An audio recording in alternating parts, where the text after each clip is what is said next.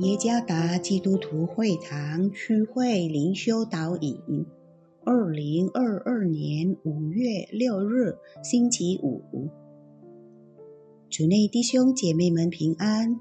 今天的灵修导引，我们要借着圣经以弗所书第二章第十节来思想今天的主题，真的非常好。作者曾礼物牧师。以弗所书第二章第十节：我们原是他的工作，在基督耶稣里造成的，为要叫我们行善，就是神所预备叫我们行的。一个人变得自卑和缺乏自信的原因有很多，其中一些是我们无法控制的，例如童年的悲伤事件。人的毁谤破坏我们好名声，不断遭受负面言论或家人的不良待遇，这些都不是容易克服的事情。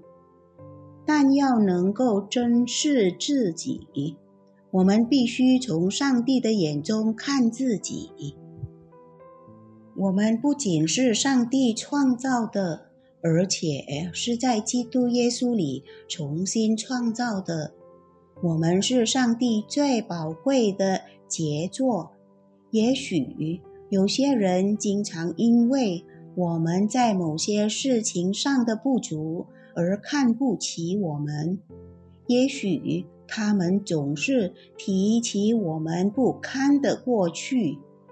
然而，当我们接受耶稣时，我们的生命就被他改变了，靠着他的恩典，我们得救了。第五节，我们得救不是因为我们的努力，而是因为上帝的恩赐。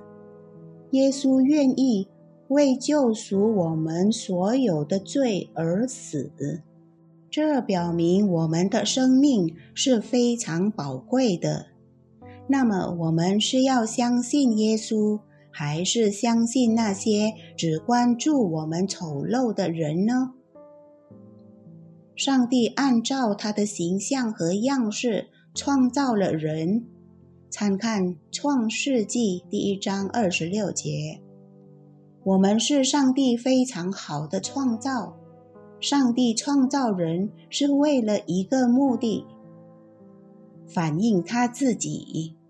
我们拥有的所有能力和资源都来自上帝，让我们成为基督真正的门徒，这样我们就可以制作各种荣耀上帝的作品。我们是上帝的创造，真的非常好。主耶稣赐福。